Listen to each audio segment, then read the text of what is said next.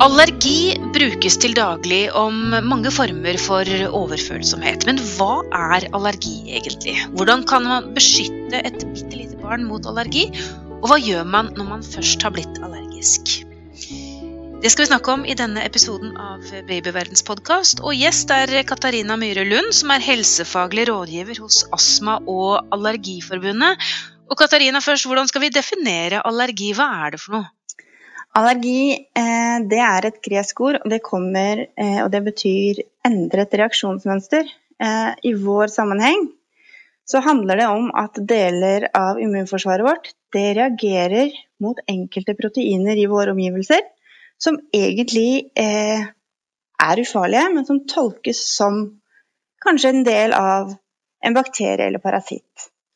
Og derfor så reagerer kroppen ved å utløse en betennelse eh, når du møter dette proteinet, da f.eks. Kanskje pollen eller en type matvare, som egg. Hvorfor er det noen som får allergi, mens andre ikke merker noen ting? Eh, allergi det eh, skyldes som sagt dette endra reaksjonsmønsteret i immunforsvaret. Og det er ikke én årsak eh, som gjør at man blir allergisk. Det handler om eh, både mange genetiske faktorer. Er mamma og pappa allergiske? Eh, eh, hva reagerte de på da de var små? Og så handler det om eksponering fra omgivelsene våre. Vi ser f.eks. at barn som vokser opp på landet, de har mindre allergier enn barn som vokser opp i byen. Og man lurer på om dette skyldes f.eks. mindre eh, eksponering for enkelte bakterier. På landet har man mange flere bakteriestammer enn man finner i byen. Barna på landet de er sammen med dyr, de er i fjøset, de får mer jord og skitt under neglene. Mens eh, barna som bor midt i byen, de har kanskje et stort lag med asfalt mellom seg og jorda. Og på lekeplassen så finner man sånne støtdempere som gjør at man ikke faller ned eh, rett på jorda, men på sånne eh, syntetiske matter eh, for å ikke skade seg. Ja, så, det, så det du sier er at skitt eh, og bakterier er bra for oss? Eh, ja, fordi som jeg sa innledningsvis, så handler dette her om at eh, immunforsvaret ikke klarer å skille mellom hva som er farlig og ufarlig. Og man tror at immunforsvaret må modnes, og det må læres opp fra barnsben av. Og da må det på en måte eksponeres for eh, disse her bakteriene, sånn at de skal klare å lære å skille, seg, skille mellom parasitten eh, og det ufarlige. Og det får man eh, ved å hele tiden få små mengder fra f.eks. jorda. Så la barna grise rundt, er det det du egentlig sier? Ja, det er det. ja. Og jeg kimser ikke av håndhygiene, eh, for det er viktig, ikke sant? Ja, det er veldig Men viktig. det at de får i seg små mengder jord, eh, eh, og det at de på en måte ja, man skal ikke skjerme de for alt mulig. Vi er jo så redd for barn som tar på ting. og smak, Barn skal jo smake på alt mulig. ikke sant? De er jo så nysgjerrige. Ja. Skal vi la de være, skal vi ikke være så redde for det, da, kanskje? Nei, jeg ville egentlig ikke sagt det. fordi immunforsvaret lærer seg noe på denne reisen, da som barnet har eh, mens det vokser opp. Men Du sa også noe om dette med arv. Altså hvis, eh, hvis, mor eller far er allergisk mot noe, betyr det da at barnet kan arve den allergien? Ja, det har jo da eh, en disposisjon for å reagere allergisk. Og hvis begge foreldrene har hatt allergi som små, eh, og på en måte fortsatt har det mens de er voksne, så er jo sjansen større for at barnet også får det. Fordi det jo, handler jo om en tilbøyelighet mot å reagere allergisk. Men hva slags, eh, Når vi tenker på de minste barna, når er det flagget skal gå opp i forhold til hvilke reaksjoner de kan få? For vi vet jo at det er mange former for allergiske reaksjoner. Ja. Eh, ofte så kommer allergiske reaksjoner eh, i, sånn som vi snakker om her, eh, relativt raskt etter eksponering for det det har allergi mot. Eh, for eksempel eh, hvis eh, du har ammet barnet ditt, eh, fullammet barnet ditt eh, lenge, eh, og så skal du ved fire måneders alder kanskje prøve deg på den første date med kjæresten, og så skal dere prøve morsmelkserstatning. Morsmelkserstatning inneholder kumelksprotein, og da ved første direkte eksponering for f.eks. kumelksprotein, så kan det hende at barnet reagerer med eh, omfattende sprutgulp. Eh, det kan få vablete utslett i kinn og nedover brystet f.eks. Ikke uvanlig. Eller det kan begynne å bli, gråte, bli rødt. Man ser disse reaksjonene komme relativt raskt da. Og så får du kanskje hyppige bleie, bleier på, hvor det eh, fylles opp med løs avføring. Det er et veldig sånn, klassisk symptom på at man reagerer allergisk mot en matvare. Men er det da sånn at barna bør eksponeres videre for denne matvaren for å bli vant til den, eller skal man kutte det helt ut da? Hvis barnet reagerer på denne måten, eh, så har den en allergi, sannsynligvis. Da bør man ta kontakt med legen sin for videre utredning. Eh, og da er egentlig rådet å la være å gi dette barnet melk hvis det viser seg at det har allergi. Det er eneste behandling. Fordi man vet egentlig aldri hvordan neste reaksjon ved neste eksponering vil være. Det kan være farlig. Hva med andre ting som er i hus? Én ting er når du skal da introdusere for som du sier, morsmelkerstatning f.eks. Hvis man har husdyr hjemme. Eh, dette med å være allergiske mot dyr er det jo mange som er. er det, eh, hvordan kan man vite om barnet er allergisk eller ikke hvis man har et dyr i huset? Eh, det kan være flere tegn på at et barn har en allergi mot dyret, men man ser det gjerne da ved at barnet har en direkte kontakt med dyret. Da kan du få Eh, du kan jo få eksem, ikke sant. Barnet kan få hudreaksjoner. Eh, det kan få vabler der det er i kontakt med dyret. Og det kan også få eh, symptomer i luftveiene. Noen får rennende øyne, noen får tett nese, og noen blir til og med tett i pusten. ikke sant? Og Da bør man også ta kontakt med legen sin for å eh, teste barnet. Så man tester også de aller, aller minste spedbarna ja. hvis man har mistanke om allergi? Ja, men det som er, det er at barn ikke begynner å produsere egne antistoffer før det har gått en liten stund. og Da kan det være vanskelig å vise på blodprøver, og da prøver man gjerne først med, med prikktest. Eh, og Hvis ikke det på en måte viser noe, men barnet fremdeles har symptomer på at det kanskje ikke tåler dette dyret, så må man enten kanskje se om man kan få eh, lånt dyret bort til noen. Så kan man prøve et par uker uten dyr og se om barnet blir bra. Ikke sant? For da, eh, da blir det eksponering og eliminasjon av allergen, og se om det kan hjelpe. Og så er det mange gravide som, eh, som er redde for å øh, gjøre noe feil, eller spise noe, eller innta noe som kan utløse allergi hos barnet i magen senere, etter fødsel. Er, er, vet man noe om det? Ja, man har eh, sett ganske mye på det, faktisk. Om det er sånn at eh, foreldre eller vordende mødre kan eh, beskytte barnet sitt mot allergi ved å f.eks. eliminere ting som tradisjonelt gir allergi hos barn. F.eks. peanøtter eller melk eller hva det skulle være. Og det er ingen holdepunkter for å si at mor eh, skal unngå å spise peanøtt, melk eller egg eh, mens hun går gravid, eh, for å beskytte barnet sitt. Det man har sett en del på som er litt mer interessant, det er f.eks å bruke for Biola, eh, eller sånne Hva heter det? Hva heter det? Hva heter det? Probiotika, ja, tenker du på? Ja. Eh, hva er det egentlig? Vi har jo hørt om antibiotika, men hva er probiotika? Høres ut som det motsatte. Ja, det er litt sånn, for i tarmen vår så har vi eh, mange, mange, mange bakteriestammer og kulturer. Eh, og vi tror at disse spiller en veldig, veldig viktig rolle Eh, i utdanningen av immunforsvaret vårt, eh, og funksjonen til immunforsvaret vårt. Og mm, hvis eh, man ser på allergiske, så ser man at disse kanskje har andre bakteriekulturer i tarmen enn ikke-allergiske. Og de har kanskje færre bakteriekulturer i tarmen enn ikke-allergiske. Så eh, man driver på høyt nivå og undersøker om eh, tilførsel av gunstige bakterier til tarmen gjennom probiotiske tilskudd eh, kan være eh, noe som kan være med på å forebygge eh, allergisk utvikling hos individer. Så det å ta et glass Biola eller en, en yoghurt med probiotika, det kan i hvert fall ikke skade? Nei, det skader ikke, men jeg kan ikke love at du forebygger eksem hos barnet ditt. Det kan jeg ikke. Eh, fordi man vet ikke hvor mye eller hva slags. Eller, så det er så veldig mange faktorer vi ikke kjenner til. Men det å drikke et glass Biola eh, om dagen, det er jo Det skader ingen. Hvis mor tåler det. Vi skal snakke mer om eh, spedbarn og allergier, men vi tar en liten pause. Ja, Vi snakker altså med Katarina Myhre Lund. Hun er helsefaglig rådgiver hos Astma- og Allergiforbundet. Og vi snakker jo om da dette vi jo om da dette med spedbarnet og allergier.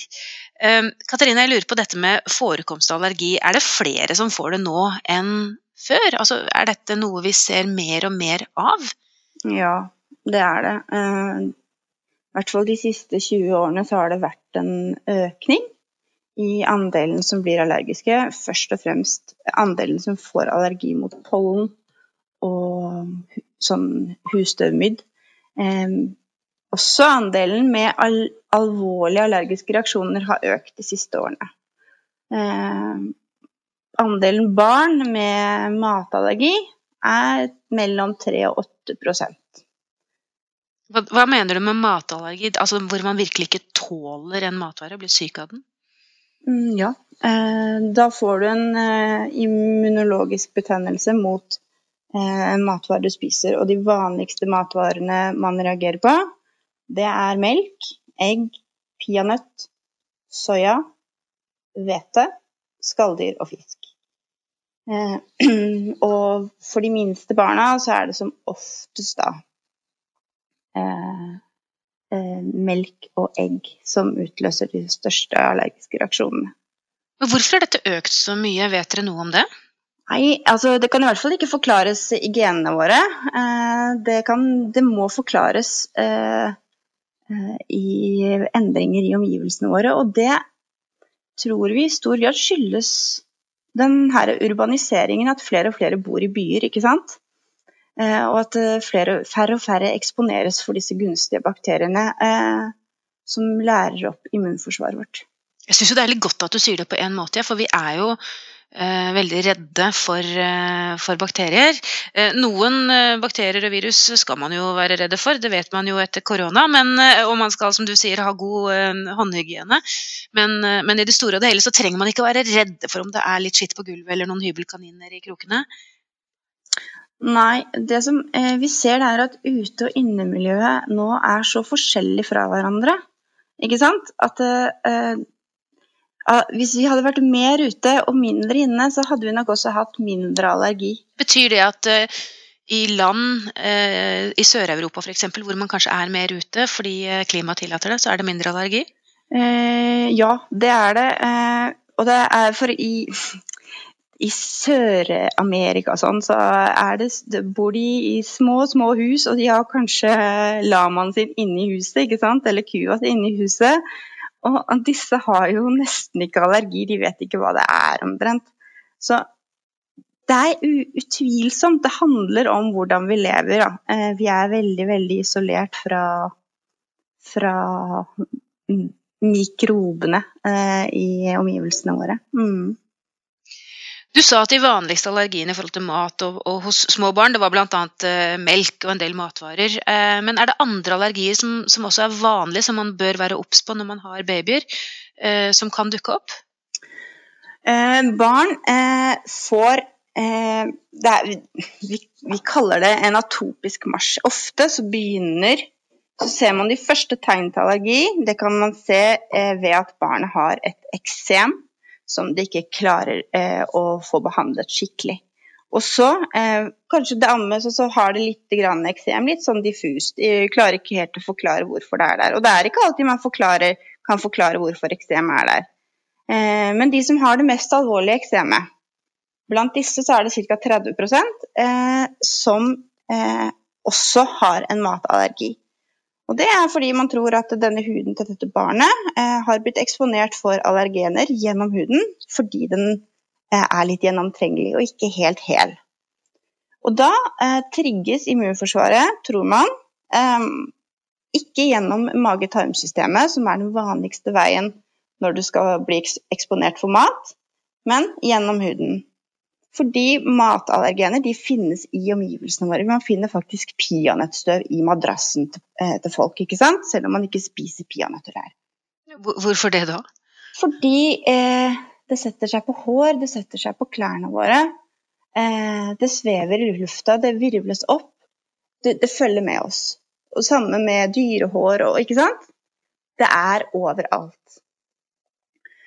Så eh, får man det eh, Har man kanskje blitt så eksponert gjennom huden eh, at immunforsvaret allerede har begynt å lage antistoffer mot dette her, det, det, de tror er farlig, f.eks. melkeprotein. Og så kommer den dagen da at barnet får ren melk i form av morsmelkerstatning, og så reagerer det allergisk. For det har det allerede blitt eksponert en gang. Men er det sånn da at når man har et lite barn som har fått uh, en allergisk reaksjon, uh, skal man da gå til lege med en gang? Eller hva, hva, hva, tenker du, hva skal man gjøre? Hva er veien videre da, for å få dette slått fast? Ja, jeg tenker at eh, hvis barnet reagerte bare på første slurken, ved gjennom da å kaste opp, eller fikk mange løse bleier, eller fikk eh, et utslett, så bør man ta kontakt med legen ganske fort. Hvis barnet eh, begynner å renne fra øyne og nese, og barnet samtidig får hudsymptomer, så bør man egentlig dra på legevakten ganske snart. Da må man dra til legen fort. Hva gjør, hva gjør de? Eh, de kan gi barnet medisiner. Eh, antihistaminer det er det første de gir. Eh, det tar jo pollenallergikere og sånn også for å slå ned disse symptomene. Hvis ikke dette hjelper ordentlig, så kan de få eh, kortisontabletter eh, som er tilpasset av barnets vekt og størrelse. Og hvis ikke dette hjelper, så, blir jo barnet observert av, lege og helsepersonell, og så vil de sannsynligvis teste barnet når tiden er inne for det. Når gjør man vanligvis det, da? Det her handler jo om når barnet begynner å produsere disse antistoffene. Og det har jo allerede begynt å produsere antistoffer siden det reagerer allergisk. Men om man kan klare å påvise dette gjennom tester allerede ved tre eller fire måneders alder, det kan man ikke svare helt på. Eh, det er veldig individuelt. Så det kan hende at det må testes flere ganger for at man skal kunne klare å finne en positiv test akkurat på det. Det er først og fremst da sykehistorien som betyr noe. Og hvis man lurer på om barnet har en eh, allergisk reaksjon eh, som følge av eksponering for melk, så kan det hende at det blir henvist til eh, sykehus for å ta en provokasjonstest. Da prøver man under kontrollerte forhold eh, melk eh, i opptrappende doser og ser hvordan barnet reagerer i møte med melken. Og flere råd eh, og mer informasjon om dette regner jeg jo med at eh, man finner på nettsidene deres? Ja, det gjør dere.